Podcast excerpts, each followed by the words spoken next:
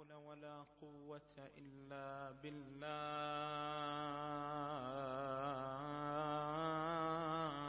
العلي العظيم.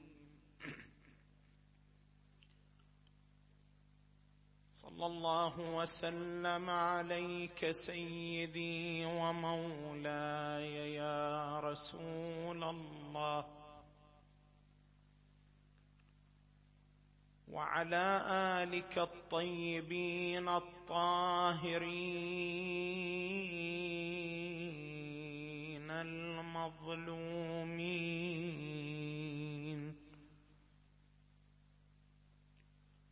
لعن الله الظالمين لكم.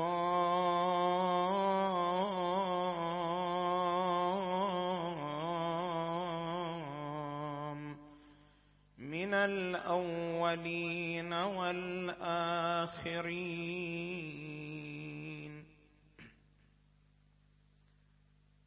السلام عليك سيدي ومولاي.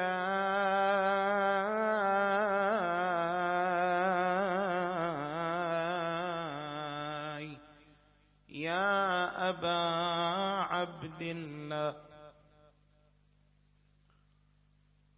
وعلى الأرواح التي حلت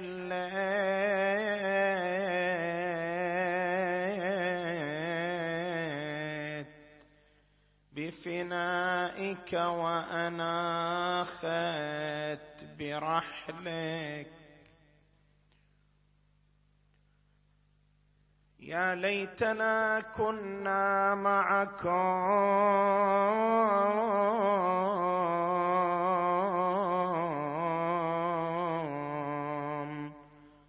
فنفوز والله فوزا عظيما.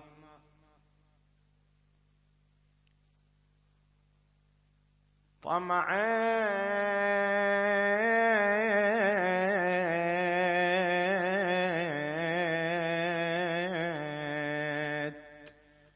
أن تسومه القوم ضيما. فأبى الله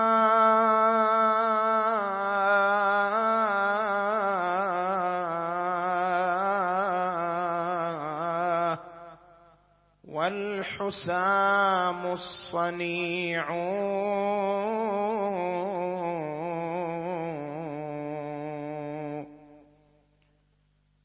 كيف يلوي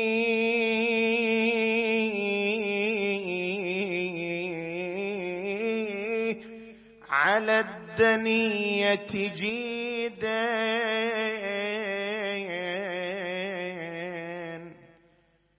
لسوى الله.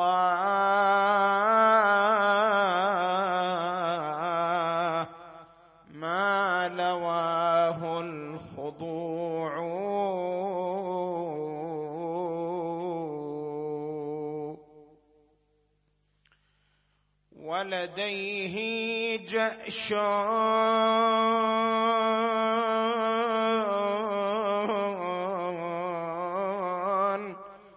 أرد من الدار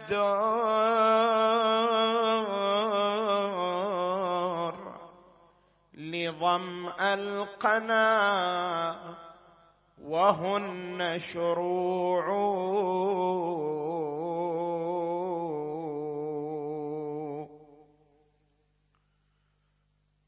وأبى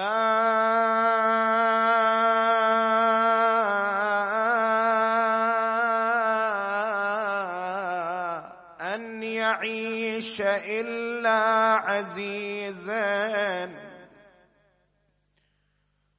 أو تجلى الكفاح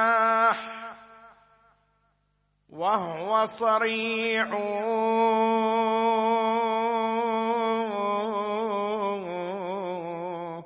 فتلقى الجموع فردا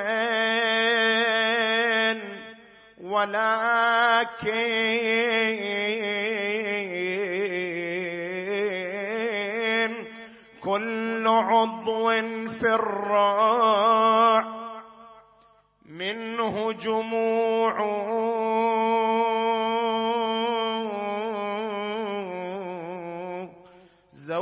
زوج السيف بالنفوس. زوج السيف بالنفوس. ولكن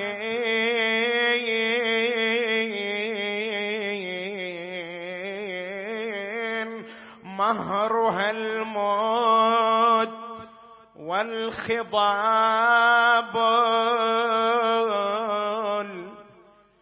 نجيع.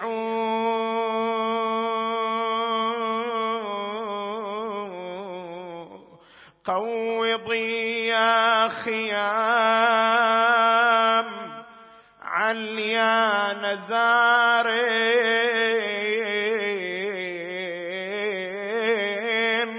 فلقد قوض العماد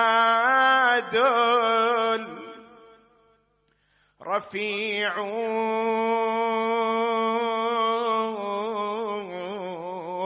قطعوا بعده عراه فيا حبل وريد الإسلام أنت القطيع.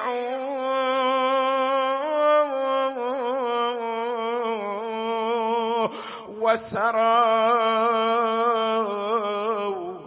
كرائم الآل حسرا وسروا في كرائم الآل حسرا. وعداك ابن أمها تقريع.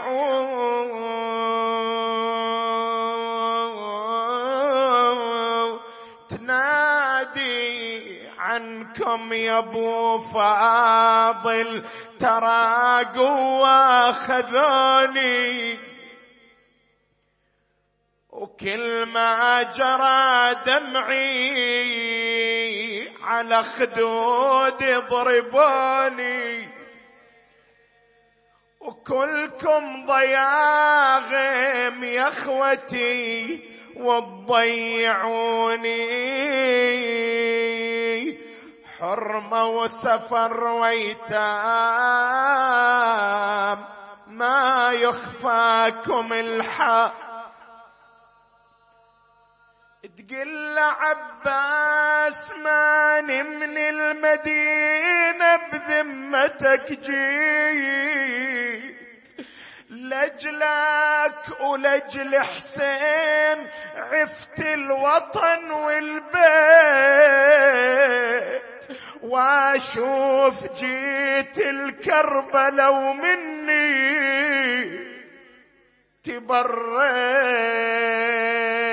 تبريت بعت السهم مني وبليتون بهالعيال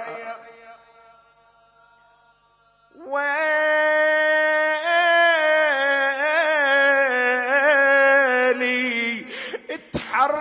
يا ويلي صاحب النفس الأبية وقالها يا زينب ضيعتك غصبا عليّ يا عزيزة الكرار عاقتني المنية. جثة بلي راس ولا يمنى ولا شمال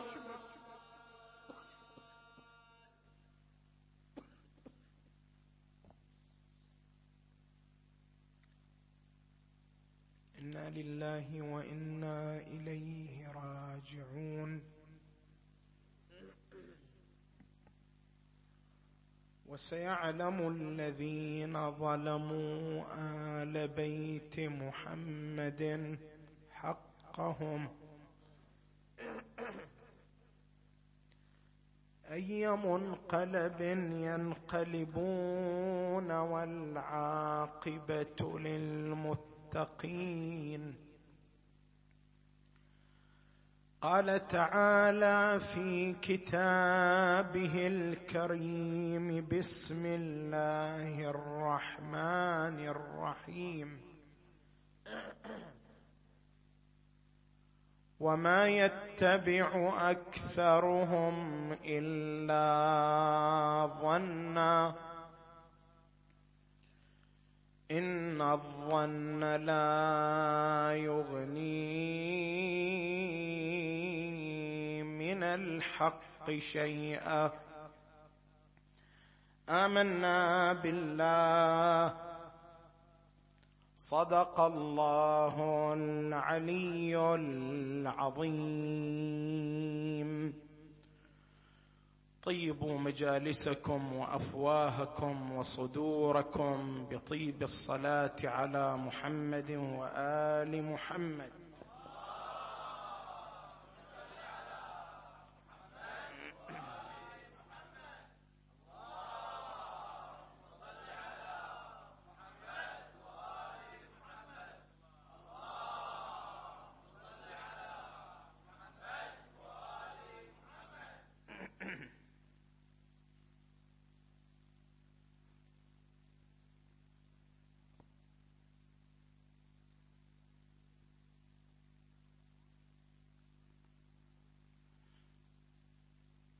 النقطة التي انتهينا إليها ليلة البارحة أن الظن حجة يصح الاعتماد عليه في المعارف العقائدية الفرعية غير الضرورية. وهذه النتيجة التي توصلنا إليها تفتح عندنا بابا للتساؤل وبالإجابة عن هذا التساؤل نختم أبحاثنا حول حجية الظن في المعارف الدينية. هذا التساؤل الذي يطرح نفسه هنا هو أنه كيف نوفق بين النتيجة التي توصلنا إليها وهي حجية الظن في المعارف الفرعية غير الضرورية وبين ما يشتهر على الألسنة من أنه لا تقليد في الضروري. لا تقليد في العقائد. نحن هنالك عندنا عبارة يكثر تداولها وهي أنه لا تقليد في العقائد. عندما تأتي وتتكلم مع شخص في مسألة عقائدية معينة وتقول له إن المراجع العظام أعز الله كلمتهم وعلماء الطائفة يقولون هذه العقيدة عقيدة ثابتة وراسخة وعليها أدلة محكمة. يقول لك أنا ما أقلد المراجع في العقائد. أنا أقلد المراجع فقط في أمور الحلال والحرام. لمن المرجع الديني يفتي فيما يرتبط بالشؤون الشرعية والفقهية والفرعية فأنا أتابعه. وأما في المسائل العقائدية فنحن لا نقلد المرجع الديني. تقول له ليش ما تقلد؟ ليش ما تأخذ عقائدك من المرجع الديني كما تأخذ منه الأحكام؟ يقول لك لأنه لا تقليد في العقائد. فإذا كان لا تقليد في العقائد معنى ذلك أن العقائد لا بد فيها من تحصيل الظن وتحصيل اليقين. فكيف قلنا بحجية الظن في فروع العقائد غير الضرورية؟ هذا يحتاج إلى الجواب. والجواب عن هذا التساؤل المهم يوقفنا وقفة مفصلة عند هذه العبارة التي يكثر ترديدها لا تقليد في العقائد. العبارة اللي دائما تتكرر على الألسنة ويتشبث البعض بها ما هو المقصود منها؟ فهم المقصود من هذه العبارة يتوقف على إيضاح مقدمتين. المقدمة الأولى ما هو المقصود من التقليد؟ لما انت تقول لا تقليد في العقائد المقصود من مفردة التقليد ماذا؟ مفردة التقليد تطلق على معنيين. المعنى الأول المتابعة الظنية. المتابعه الظنية يعبر عنها بأنها تقليد. شلون يعني متابعة ظنية؟ متابعة ظنية يعني متابعة من غير معرفة الدليل ومن غير معرفة البرهان. انت الآن تقول أنا أقلد المرجع الفلاني. شنو معنى هذا التقليد؟ لما تقول أقلده مراد من التقليد للمراجع العظام. المتابعة الظنية لهم في فتاواهم. أما ما هي الأدلة التي اعتمد عليها الفقيه في فتواه فنحن لا نعرف عنها شيئا. لماذا هذا الفقيه قال كذا؟ ولماذا هذا الفقيه قال كذا؟ نحن لا نعرف ما هي الآلية ولا ما هي الأدلة ولا ما هي البراهين. التي استند إليها الفقيه. إذا نحن متابعتنا للفقيه متابعة ماذا؟ متابعة ظنية.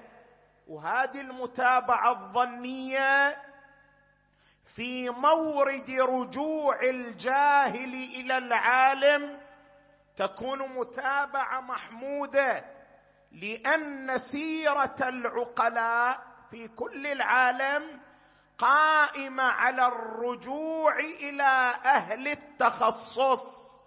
لما واحد عنده مسألة طبية يرجع إلى المتخصص ولما عنده مسألة هندسية يرجع إلى المهندس. كذلك أيضا في أمور الدين عندما تكون عنده حاجة دينية وجهل بمعرفة دينية فإنه يرجع ماذا؟ إلى المتخصص. ومثل ما أنت ترجع إلى الطبيب والطبيب يحدد لك دواء لحالتك ولا تعرف ما هو دليله على ذلك ولا على أي قاعدة استند من أجل أن أعطاك هذه النتيجة. فتتابع الطبيب متابعة ماذا؟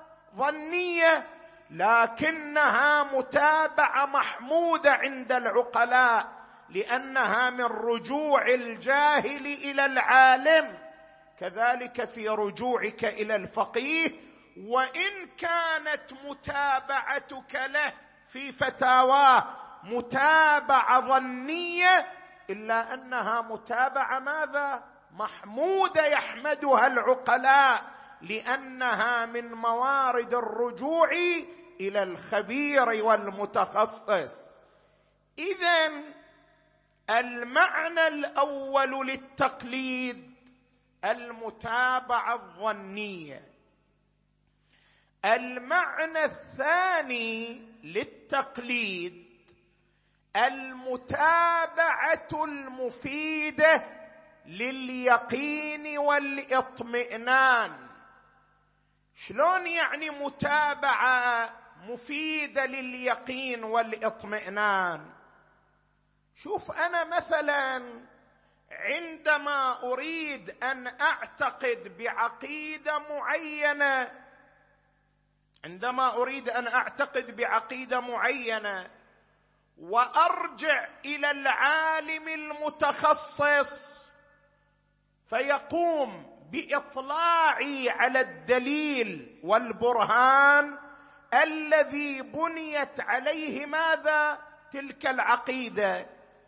فأنا لمن أتابعه فيما قال وأتابعه في الدليل الذي بنى عليه عقيدته هذه ليست متابعة ظنية وإنما هي متابعة مفيدة للعلم والإطمئنان واليقين.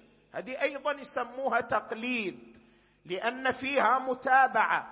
الفرق بين المتابعتين هنا وهناك أن تلك متابعة معرات عن الدليل فهي متابعة ظنية. وهذه متابعة تستند إلى معرفة الدليل فهي متابعة مفيدة. لماذا؟ لليقين والاطمئنان. هذه أيضا يعبر عنها تقليد لأن الدليل لست أنا الذي توصلت إليه وإنما توصل إليه العالم وأنا قلدته في دليله وتابعته في دليله. اذا مفردة التقليد لها معنيان. والمعنيان يجمع بينهما جامع مشترك وهو المتابعة لكن المتابعة تارة تكون ظنية وتارة تكون مورثة لليقين والعلم أو الاطمئنان. هذه المقدمة الأولى. المقدمة الثانية ما هو المقصود من العقائد؟ وانت العبارة شلون؟ عبارة مركبة. لا تقليد ماذا في العقائد. تقليد فهمناه. بقيت كلمة العقائد.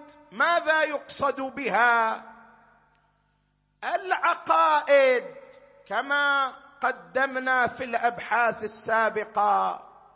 تنقسم إلى أصول وإلى ماذا؟ فروع. وأوضحنا الفرق بينهما. وقلنا الفروع أيضا تنقسم إلى ضرورية وغير ضرورية وهذا فرغنا منه أيضا. هناك تقسيم آخر للعقائد الفرعية مرتبط بما نحن فيه وبيان المقصود من عبارة لا تقليد في العقائد يتوقف على فهم هذا التقسيم. العقائد الفرعية تنقسم إلى عقائد عقلية وإلى عقائد نقلية. شنو الفرق بين العقائد العقلية وبين العقائد النقلية؟ العقائد العقلية هي العقائد التي يمكن إثباتها بالبرهان العقلي. أصلا ما نحتاج إلى آية ولا نحتاج إلى رواية. نستطيع إثباتها بالدليل العقلي فقط. طبعا هذه أصول الدين توحيد ونبوه حتى الإمامة حتى المعاد حتى العدل كلها ماذا؟ عقائد عقلية إثباتها بدليل العقل. لكن الآن إحنا مو بصدد الأصول الفروع. عقائد الفرعية قسمان. بعضها عقلية يعني يمكن إثباتها بالبرهان العقلي. مثل ماذا؟ مثل عقيدة العصمة. عندما نعتقد بعصمة النبي محمد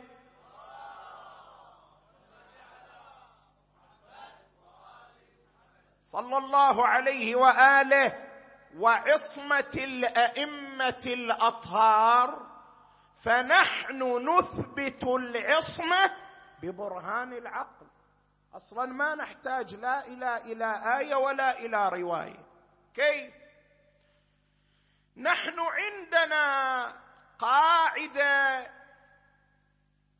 يمكن انتزاع عنوانها أو مسألة يمكن انتزاع عنوانها من حكم العقل وهي أن الوثوق فرع العصمة.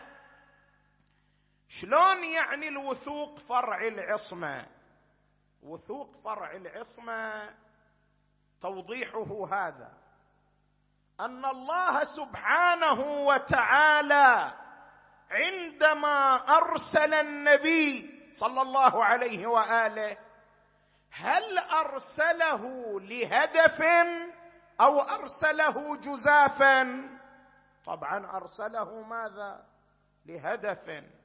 بعث في الأميين رسولا منهم لماذا؟ يتلو عليهم آياته. وماذا؟ ويزكيهم. ويعلمهم الكتاب والحكمة. اذا الهدف من إرسال النبي تزكية الناس تعليمهم الكتاب والحكمة إخراجهم من الظلمات إلى النور. زين الناس كيف يأخذون من النبي صلى الله عليه وآله ويتحقق الهدف الإلهي؟ يأخذون من النبي إذا وثقوا به. وأما إذا لم يثقوا به فإنهم لا يمكن ماذا؟ أن يأخذوا منه معرفة واحدة من المعارف. طيب هذه الثقة بالنبي متى تحصل؟ إذا كان النبي يخطئ وتصدر منه المعاصي هل يمكن أن تحصل ثقة به عند الناس؟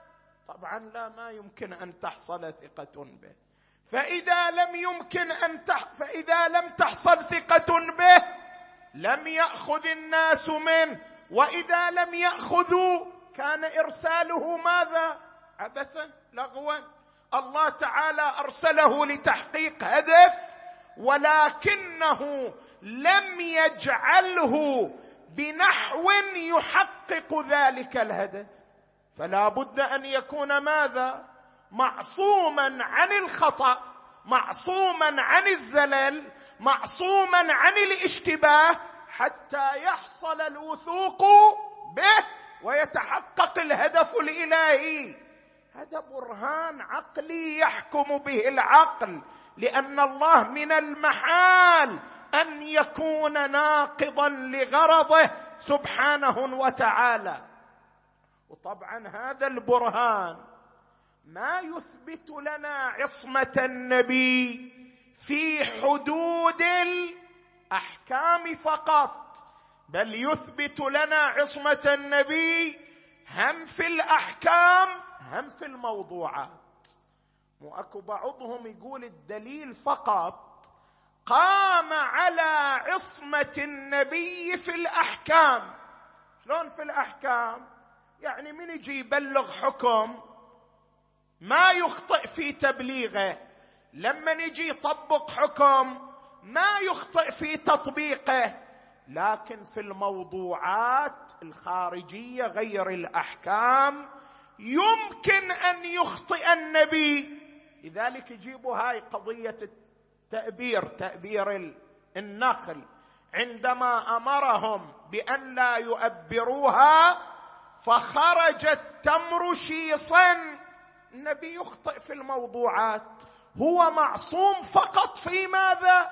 في الأحكام. إحنا نقول لا عصمته واسعة ببرهان العقل تشمل الأحكام وماذا؟ والموضوعات. شلون؟ لأن هي هذه مسألة أن الوثوق فرع العصمة. مثل ما تجري في الأحكام تجري في الموضوعات. خل أبين لك الفكرة بمثال لطيف جدا. هسه افترض لو أن النبي صلى الله عليه وآله اقترض من شخص ألف ريال.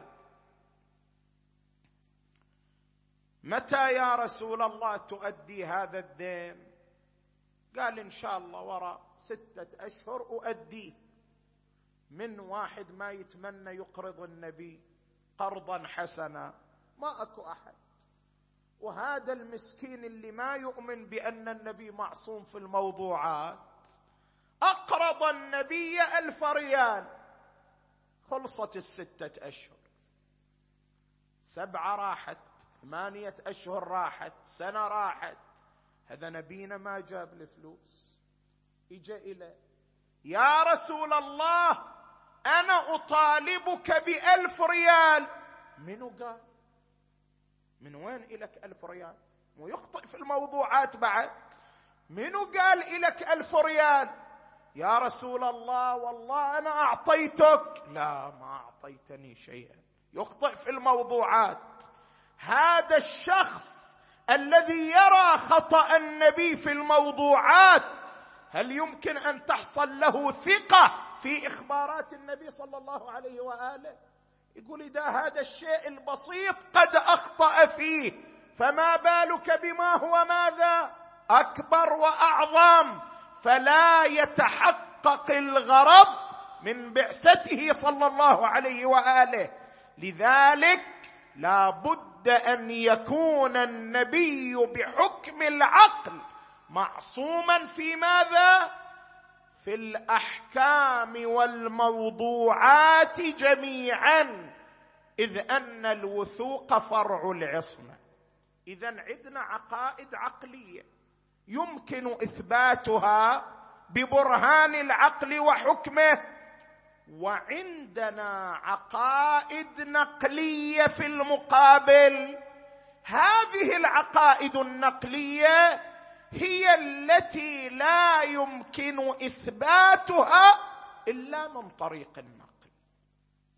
شلون يعني ما يمكن إثباتها إلا من طريق النقل؟ يعني أن العقل غاية ما يستطيع فعله تجاه هذه العقائد أن يحكم بإمكانها. يقول ممكنة. زين تقول للعقل أنت تثبتها؟ يقول لك لا هذا مو دوري. تقول له تنفيها؟ يقول لك والله مو دوري. أنا فقط شغلي هو ماذا؟ الحكم بأنها ممكنة. أما إثباتها ونفي ثبوتها هذا أمر ليس من ناحيتي.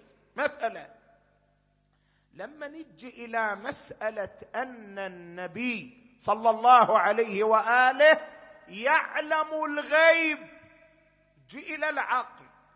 تقول له أيها العقل هل تستطيع أن تثبت لنا أن النبي يعلم الغيب؟ يقول لك لا يعلم ما يعلم. أنا هذا مو شغلي. أنا غاية ما أستطيع قوله إن علمه بالغيب ممكن لكن أنا ما أثبت هذه القضية. زين كيف نثبتها حينئذ؟ لا بد من اللجوء إلى ماذا؟ إلى النقل إلى الآيات إلى الأحاديث إلى الروايات هي التي تثبت أو تنفي. اذا عندنا العقائد قسمان. قسم عقائد عقلية. يمكن إثباتها ببرهان العقل. وقسم عقائد نقلية لا طريق لإثباتها إلا ماذا؟ إلا النقل فقط. وشوفوا أحبتي إخواني هنا المشكلة الفكرية. التي تلتبس على الكثيرين ويقعون في متاهات ومزالق فكرية عقائدية نتيجة عدم التمييز بين هذين القسمين. يجي إلى مسألة من المسائل العقائدية. مثلا سأذكر مثال له واقع. بعضهم لما نجي إلى مسألة أن النبي صلى الله عليه وآله وأهل بيته كانوا نورا يسبح لله تحت ساق العرش قبل خلق الكائنات. يجي بعضهم شي يقول وهذا مو افترض مثال لا هذا واقع. بعضهم يقول أنا هذا عالم الأنوار لا أقبله. ما أقبل أن النبي والأئمة كانوا نورا يسبح لله. تقول له ليش ما تقبل؟ يقول لك عقلي ما يتصور ذلك. عقلي ما يدرك ذلك. شوف شلون الخطأ الفكري الذي وقع فيه. هذا جاء ينفي عقيدة نقلية من منطلق ماذا؟ عقله. مسألة عالم الأنوار ليست عقيدة عقلية. يثبتها العقل. أو ماذا؟ ينفيها. إنما هي مسألة ماذا؟ نقلية. يرجع فيها إلى الروايات. والأدلة النقلية هي التي تتكفل بإثباتها أو بنفيها. يا أخي أنت مورطنا بهذا العقل. عقلي عقلي. عقلي عقلي. طب هو العقل شنو؟ يعني كل عقل له النفي والإثبات؟ لا. المراد العقل الصافي عن الشوائب الصافي عن المسبقات. العقل الذي يشترك فيه جميع عقلاء العالم. أحكام العقلية أحكام واضحة للكل. لما نجي إلى مسألة أن العدل حسن ومسألة أن الظلم قبيح هني تجي تقول هذا حكم عقلي. لأن كل عقل مجرد عن الشوائب يدرك ذلك. شاهدنا المشكلة الفكرية عند البعض الخلط بين العقائد النقلية والعقائد العقلية. وهذا خطأ. أكو عقائد للعقل طريق لإثباتها. لكن أكو عقائد ما يمكن للعقل أن يتفوه فيها شيئا. بل لا بد من الرجوع إلى ماذا؟ إلى الأدلة النقلية من الآيات والروايات. اذا تلخص عندنا من المقدمتين اللتين ذكرناهما أن التقليد بمعنيين بمعنى المتابعة الظنية وبمعنى المتابعة المفيدة لليقين أو الاطمئنان. وأن العقائد الفرعية قسمان عقائد عقلية وعقائد ماذا؟ نقلية. انجئ الآن إلى العبارة. لا تقليد في العقائد. لما نريد نوضح هذه العبارة رغم أن الوقت لا يسعفنا كثيرا نقول هذه العبارة تحت تحتمل أربعة احتمالات. وخلينا نحللها على ضوء هذه الاحتمالات الأربعة. الاحتمال الأول أن يحمل التقليد فيها على المعنى الأول وهو ماذا؟ المتابعة الظنية. وأن تحمل العقائد فيها على ماذا؟ على الأصول على أصول العقائد. يصير معنى العبارة هكذا. لا تقليد في العقائد يعني لا متابعة ظنية في ماذا؟ في أصول الدين. هذا المعنى صحيح. باتفاق العلماء تقريبا إلا من شذ منهم أنه لا تقليد في العقائد بمعنى لا متابعة ظنية في أصول الدين. ما تصح المتابعة الظنية. أنا أقول الله واحد لأن والدي يقول الله واحد. وأؤمن بنبوة النبي صلى الله عليه وآله لأن والدي يؤمن بنبوة النبي وإلا أنا ما عندي يقين. مجرد متابعة ظنية. وأؤمن بأن النبي صلى الله عليه وآله لم يترك مثلا خليفة من بعده لأن قومي عشيرتي يقولون بذلك وأنا أتابعهم متابعة ظنية. هنا المتابعة الظنية في أصول الدين ماذا؟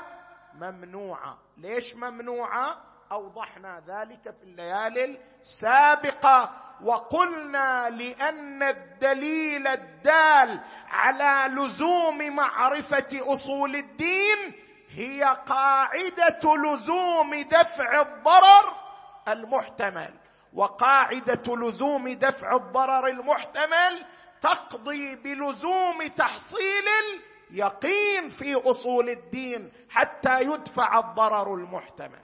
اذا الاحتمال الأول حمل التقليد على المتابعة الظنية وحمل العقائد على الأصول حينئذ تكون العبارة صحيحة. نعم لا تقليد في العقائد بهذا المعنى. نجي إلى الاحتمال الثاني. وهو حمل كلمة التقليد. على ماذا؟ على المتابعة المفيدة لليقين والاطمئنان. وحمل كلمة العقائد على ماذا؟ على الأصول. يصير معنى العبارة هكذا لا تقليد في العقائد يعني لا تصح المتابعة المورثة لليقين والاطمئنان في أصول الدين. هنا العبارة تكون صحيحة أو خاطئة. خاطئة. لما يجي واحد يقول لا تقليد في العقائد يعني لا متابعة مفيدة لليقين والاطمئنان في أصول الدين. نقول له هذا المعنى خاطئ. لماذا؟ لما قدمناه في الليالي السابقة وبينا رأي سيدنا الخوئي عليه الرحمة ورأي مجموعة من العلماء على أنه يصح التقليد في أصول الدين بمعنى المتابعة المفيدة لليقين والإطمئنان. أنا ما أقدر أقيم الدليل على التوحيد ما أقدر أقيم الدليل على النبوة ما أقدر أقيم الدليل على الإمامة. ممن أخذ الدليل؟ من العالم المتخصص فتكون متابعة مفيدة لليقين والاطمئنان وبها أدفع الضرر المحتمل. اذا هذه العبارة إذا حملت على المعنى الأول صحيحة ولكن إذا حملت على المعنى الثاني ماذا؟ خاطئة. نجي إلى المعنى الثالث احتمال الثالث. أن يحمل التقليد في العبارة على المتابعة المفيده لليقين وأن تحمل كلمة العقائد فيها على ماذا؟ على العقائد الفرعية. القسم الأول شنو كان؟ العقلية. صير معنى العبارة هكذا. أن العقائد العقلية الفرعية لا تصح المتابعة فيها المفيده للاطمئنان. هم هذا المعنى خاطئ؟ باطل. لماذا؟ لأن الإنسان بوحده حتى يعتمد على البرهان العقلي. شوف المسألة كيف. أن الإنسان حتى يعتمد على البرهان العقلي ويثبت عقيدة عقلية من غير الرجوع إلى المتخصص والعالم اولا يحتاج إلى إثبات حجية الدليل العقلي. مو أنت تقول أنا الآن أثبت هذه العقيدة ببرهان العقل؟ اولا تحتاج أن تثبت حجية البرهان العقلي. فهذا أكو بعض الناس يقدر بعض الناس ما يقدر. اثنين لو كان يستطيع أن يثبت حجية دليل العقل شنو دليل العقل على العصمة؟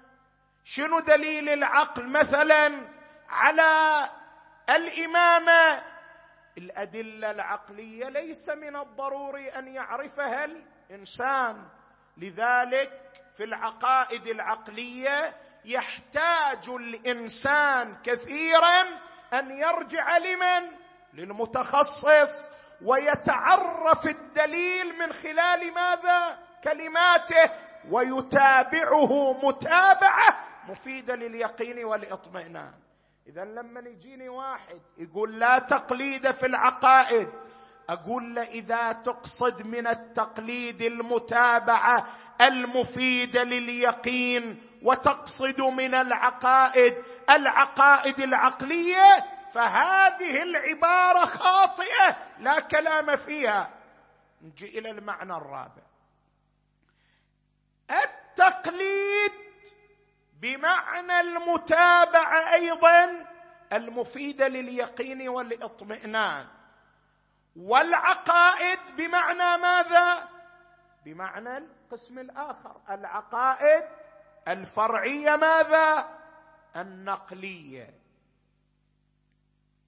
هذه العبارة هنا لا تقليد في العقائد يعني في العقائد النقلية. مثل علم الغيب مثل ولاية تكوينية مثل عالم الأنوار. هذه العقائد لا تقليد فيها بمعنى المتابعة المفيدة لليقين والاطمئنان. قل هذا خاطئ مئة بالمئة. ما يمكن هنا إلا التقليد والرجوع إلى المتخصص. تأمل وياي عزيزي أنا غير المتخصص. في العقائد الفرعية النقلية ما أستطيع أن أثبت عقيدة ولا أن أنفي عقيدة. لماذا؟ لأن هي المسألة مو مسألة رواية تتمسك بها وانتهى الأمر. تقول والله أنا أعتقد لوجود رواية هنا فهو مجرد وجود الرواية كافي لبناء العقيدة لا مو كافي. لماذا؟ اولا أنا الآن فقط أشير إشارات مختصرة وإلا تفصيل ذلك يطول. اولا أنت تحتاج أن تثبت حجية الروايات في العقائد. وإلا شلون تتمسك بالرواية؟ اولا لابد أن تثبت أن الروايات في باب العقائد حجة. وهذه مسألة خلافية بين العلماء والنزاع بينهم فيها يطول. هذا واحد. اثنين لما تثبت حجية الروايات في العقائد هالرواية التي تريد أن تتمسك بها لكي تبني عليها عقيدة معينة لا بد أن تثبت أنها حجة. الرواية الخاصة. شلون تثبت أنها حجة؟ لابد تكون عندك دليل مبنى علمي على أن الرواية التي تتصف بهكذا صفات فهي حجة. مثلا الرواية التي يرويها الرواة الثقات حجة وأما الرواية التي يرويها غير الثقات ليست بحجة حتى ولو اقترنت بقرائن تدل على صدورها عن المعصوم. أنا العام لا أفهم ذلك. لا بد أن أرجع لمن؟ للمتخصص هو الذي يبين أن هذه الرواية حجة لأنها خاضعة للمقاييس. أو ليست بحجة. وانت لبالك المسألة تنتهي هنا لا ما تنتهي. مسألة أنك المقاييس اللي عرفتها لتمييز الرواية الحجة على غير الحجة يكون تطبقها على هذه الرواية. هل هي موجودة فيها أو ليست بموجودة؟ وهذا يتوقف على مقدمات مفصلة تستغرق سنوات من عمر الإنسان. فلبى لك يعني الوصول إلى نتيجة وهي أن هذه الرواية حجة يصح لي أن أبني عليها عقيدة معينة. لبى لك هذه النتيجة هكذا يسهل الوصول إليها. هذا يتوقف على دراسة علوم موسعة مفصلة علم الأصول علم الرجال علم الحديث علم الدراية. من خلال كل ذلك يستطيع المتخصص أن يصل إلى نتيجة. اذا أنا في المعارف النقلية ما أقدر أقول لا تقليد فيها بل لا بد ماذا؟ من الرجوع إلى المتخصص من الرجوع إلى العالم. لأخذ منه وأنهل منه.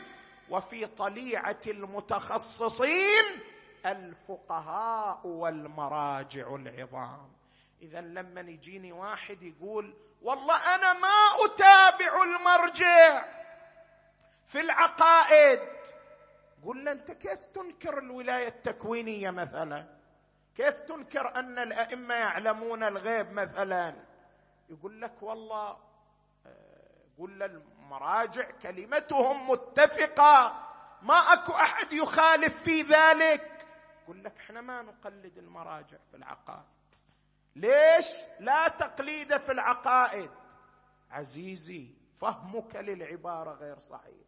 لا تقليد في العقائد ليس على إطلاقها. لا تقليد في العقائد لها مورد واحد فقط. وهو أن يحمل التقليد على المتابعة الظنية وتحمل العقائد على ماذا؟ على الأصول. يعني لا ظن في أصول الدين وأما فيما سوى ذلك فالتقليد في العقائد بمعنى المتابعة المورثة لليقين ماذا؟ لا بد منه في كثير من الأحيان وبالتفصيل الذي ذكرناه. تجي تقول شلون تقليد في العقائد؟ وهذا ختام الكلام. شلون التقليد في العقائد؟ إذا حملنا التقليد على المتابعة الظنية وحملنا العقائد على ماذا؟ على الفروع. إحنا حملنا التقليد على المتابعة الظنية تاره وعلى المتابعة المفيدة لليقين بالنسبة للأصول. وحملنا التقليد على المتابعة المفيدة لليقين في ماذا؟ في القطعية العقلية وفي ماذا؟ وفي النقلية. باقي عندنا شق خامس وهو التقليد بمعنى المتابعة الظنية في الفروع. هذا الشق جوابه ما عرضناه ليلة البارحة. جوابه ما عرضناه ليلة البارحة بالتفصيل. المتابعة الظنية لا تصح. لماذا لا تصح؟ لأن العقيدة حقيقتها عقد القلب ولا يمكن عقد القلب على ماذا؟ على الظن. هذا أوضحناه ليلة البارحة. إلا أن يجعل الشارع ذلك الظن علما بالتفصيل الذي ذكرناه. حينئذ يمكن عقد القلب عليه. اذا هذه العبارة يفهمها الكثير للأسف الشديد فهما مغلوطا ويرتب عليها آثار كبيرة مرتبطة بعقيدته وهو مشتبه في ذلك شديد الاشتباه. شلون لا تقليد في العقائد على نحو الإطلاق؟ يعني أنت في الفتاوى والأحكام ترجع إلى الفقيه والعالم. وهل العقائد أقل خطرا من الفتاوى والأحكام؟ حتى تفتي فيها برأيك وتبني فيها على هواك. العقائد أشد خطرا. من الفتاوى والأحكام فلا بد من الرجوع فيها إلى العالم المتخصص وفي طليعة العلماء المتخصصين مراجع الطائفة وفقهاء الطائفة رضوان الله تعالى عليهم أجمعين. لذلك الأئمة كانوا يرجعون الشيعة في مطلق معارف الدين إلى العلماء. مو فقط في خصوص الأحكام. لما ذاك يجي إلى الإمام الرضا صلوات الله وسلامه عليه ويقول له إن شقتي عنك بعيدة فعمن آخذ معالم ديني. معالم الدين يعني العقيدة وماذا؟ والأحكام. قال خذها من زكريا بن آدم فإنه الثقة المأمون. على الدين والدنيا. كانوا الأئمة يرجعون الشيعة إلى العلماء في المعارف الفقهية وفي المعارف العقائدية ولا يفرقون في ذلك بين معرفة ومعرفة. اذا الفقهاء المراجع لهم مرجعية عقائدية كما لهم مرجعية فقهية. وأهل البيت عليهم السلام عظموا علماءهم وارجعوا الناس إليهم ولم يقصر علماء مدرسة أهل البيت في بيان معارف هذه المدرسة. تحملوا صعوبات كثيرة وبعضهم سجن وبعضهم عذب. محمد بن أبي عمير رضوان الله تعالى عليه كم سجن وكم عذب؟ في سبيل إيصال هذه المعارف. وبعضهم قتل واستشهد في سبيل إعلاء راية هذه المدرسة. ومو فقط قتل واستشهد لا هو كان يتمنى الشهادة في سبيل إعلاء معالم هذه المدرسة. من الحسين بن علي إلى الفقيه العالم. حبيب بن المظاهر الأسدي. حبيب ما كان رجلا اعتياديا بل كان رجلا فقيها عالما من فقهاء مدرسة أهل البيت. وهذا مو فقط بذل علمه لأجل هذه المدرسة بذل نفسه الزكية لأجل اعلاء